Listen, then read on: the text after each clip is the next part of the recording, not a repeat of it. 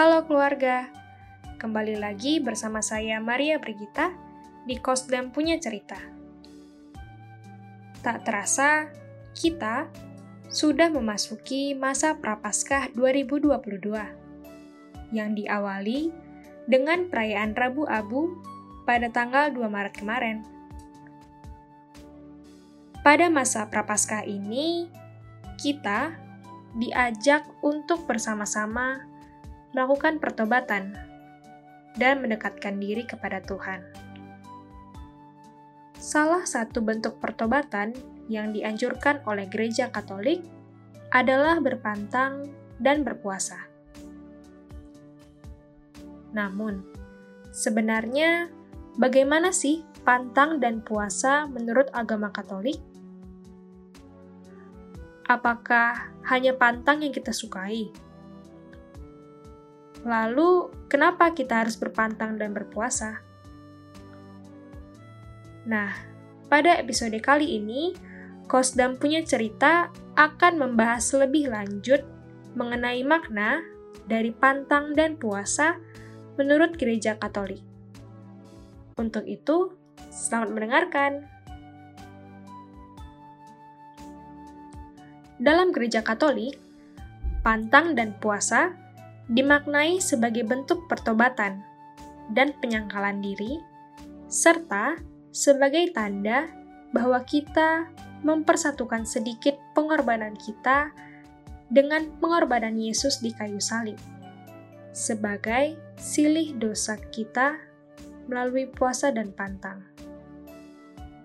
Kita diundang oleh Tuhan untuk turut ambil bagian dalam karya penyelamatan dunia. Dalam gereja Katolik, puasa dimaknai sebagai tindakan tidak makan atau tidak minum seluruhnya atau sebagian, yang berarti mengurangi makan atau minum yang dilakukan secara sukarela. Lalu, bagaimana aturan puasa dalam gereja Katolik? Aturan puasa dalam gereja Katolik berarti makan kenyang hanya satu kali dalam sehari, bukan ditentukan berdasarkan jam.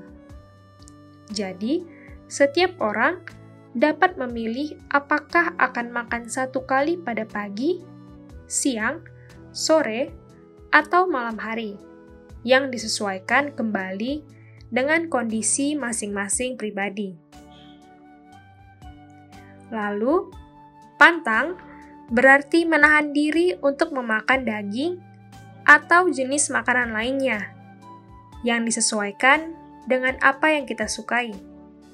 Misalnya, kita memiliki kebiasaan untuk konsumsi gula dalam porsi banyak. Nah, dalam masa prapaskah ini, kita bisa melakukan pantang terhadap gula, atau Mungkin kita punya kebiasaan untuk konsumsi makanan berkafein. Dalam masa prapaskah ini, mungkin kita bisa melakukan pantang kafein. Namun, selain menahan diri untuk tidak makan daging atau makan yang tidak disukai, kita juga diajak untuk menahan diri dalam melakukan hal-hal yang bersifat buruk atau menyenangkan Misalnya, jika memiliki kebiasaan merokok, kita diajak untuk menahan diri pada hari-hari yang ditentukan. Atau mungkin memiliki kebiasaan untuk belanja online. Nah, pada masa prapaskah ini, kebiasaan tersebut bisa ditahan terlebih dahulu. Kapan sebenarnya kita harus berpuasa dan berpantang? Apakah setiap hari?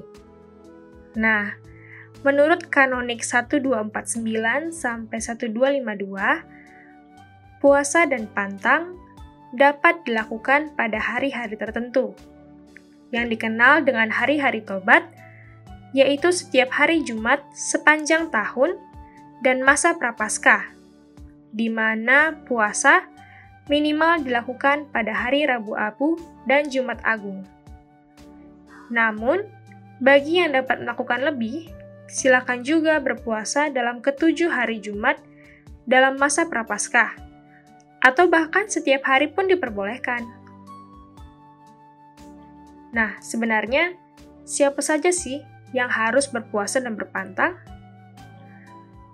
Berdasarkan Kanonik 1253, peraturan pantang mengikat mereka yang telah berumur genap 14 tahun.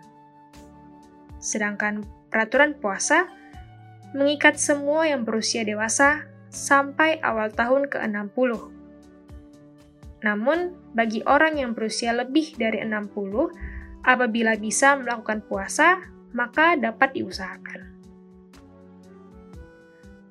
Dan yang terakhir, ketika berpuasa dan berpantang, hendaknya juga disertai dengan doa kepada Tuhan.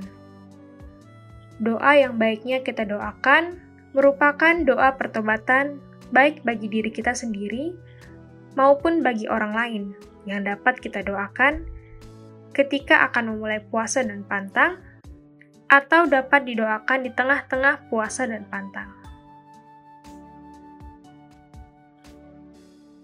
Sekian kos dan cerita kali ini. Semoga di masa prapaskah tahun ini kita bisa sama-sama menjalankan puasa dan pantang dengan sungguh sebagai bentuk pertobatan kita bersama. Untuk itu, Tuhan memberkati.